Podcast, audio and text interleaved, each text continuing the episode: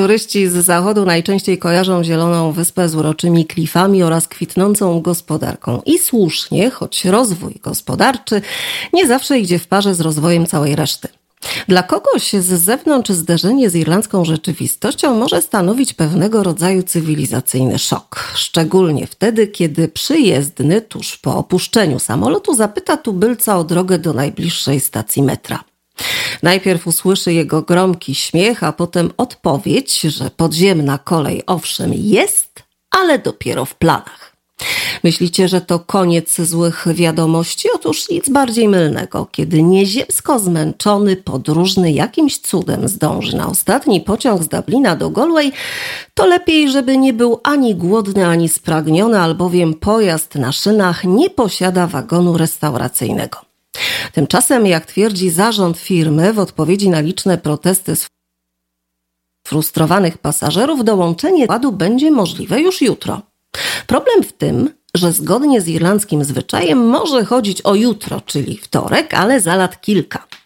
Wobec powyższego, parafrazując klasyka, klientom irlandzkich kolei pozostaje z optymizmem zacisnąć zęby i czekać na rozwój wydarzeń. Drogi turysto, na szczęście jesteś tylko przejazdem, a to, czego doświadczasz, to trywialne pierwsze wrażenie. Ale gdybyś zechciał zostać nieco dłużej, mógłbyś odkryć niektóre z naszych mrocznych tajemnic. Na przykład, że twój niepełnosprawny syn nie zdobędzie tu podstawowego wykształcenia, a twoja córka zmagająca się z depresją nie ma co liczyć na publiczną opiekę psychiatryczną. A zatem, drodzy Państwo, czy Irlandia jest krajem rozwiniętym?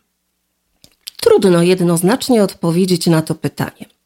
W ciągu ostatnich trzech dekad Irlandia dzięki zagranicznym, głównie amerykańskim inwestycjom zarobiła około biliona euro.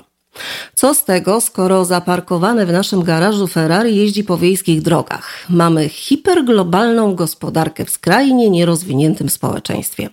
Jesteśmy w czołówce, ale z tyłu też nie mogło nas przecież zabraknąć. Irlandzki niedorozwój jest przede wszystkim fizyczny. Brak metra w stolicy, sieć energetyczna, która nie nadąża za zapotrzebowaniem, niedobór mieszkań to jedno, a drugie to niedorozwój widoczny w usługach publicznych. Aby osiągnąć europejski poziom rozwoju, należałoby na usługi wydawać więcej, tymczasem wydajemy dużo mniej niż pozostałe kraje unijne. Irlandia, o ile mi wiadomo, to jedyny rozwinięty kraj, w którym edukacja podstawowa teoretycznie jest bezpłatna. To jedyny kraj w Europie Zachodniej, który nie oferuje powszechnego i darmowego dostępu do podstawowej opieki medycznej. I wreszcie Irlandia to jeden z najdroższych krajów na świecie pod względem opieki nad dziećmi. Większość Europejczyków zdumiewa fakt, że jako naród morski nie posiadamy sprawnie działającej marynarki wojennej, a jako naród uczony nie mamy narodowych archiwów i biblioteki narodowej. Pewnie nie jeden zachodzi w głowę, jak to możliwe, że Irlandia z taką gracją łączy rozwój z niedorozwojem. Sądzę, że przyczyn tego zjawiska należałoby upatrywać w postawach społecznych i kulturze politycznej. Państwo na przestrzeni dziesięcioleci dbało o bogatych, dla których transport publiczny był zbędny i których było stać na prywatną służbę zdrowia czy prywatną szkołę dla swoich dzieci. Najlepiej zaopiekowane grupy społeczne nie były zainteresowane wprowadzeniem usług powszechnych, które odpowiadałyby poziomowi postępu gospodarczego.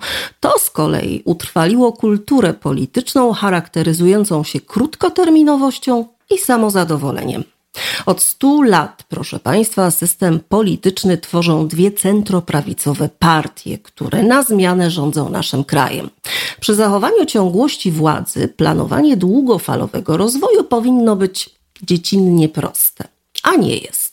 Brak ideologicznego wyzwania stworzył zadowolonego z siebie potwora, a proces rozwoju przypomina niekończące się wchodzenie po drabinie albo jak kto woli karuzelę, na której boom i przygnębienie krążą w kółko. Rząd ujawnia tendencje maniakalno-depresyjne. Kiedy fala wzbiera, pieniądze są marnotrawione na bezużyteczne projekty i wyborcze łapówki. Kiedy słabnie, kran zakręcany jest natychmiast. Idę, drodzy Państwo, o każdy zakład, że plany takie jak budowa metra w Dublinie, ogłoszone niedawno, za chwilę ponownie zostaną odłożone na półkę, po czym jakiś geniusz znowu je wyciągnie, przerobi i po raz kolejny odłoży do lamusa. Rządzący zachowują się tak, jakby nie byli w stanie uwierzyć, że Irlandia znajduje się na trajektorii długoterminowego wzrostu. Doświadczamy niezwykłej wręcz ekspansji technologicznej, podwyższamy swoje kwalifikacje, wskaźniki demograficzne też szybują w górę. Jedyne, czego nie mamy, to tak zwanej politycznej pewności. Na przestrzeni dziesięcioleci przywykliśmy do zarządzania kryzysowego i pewnie dlatego sukces traktujemy jako niespodziewaną sytuację kryzysową.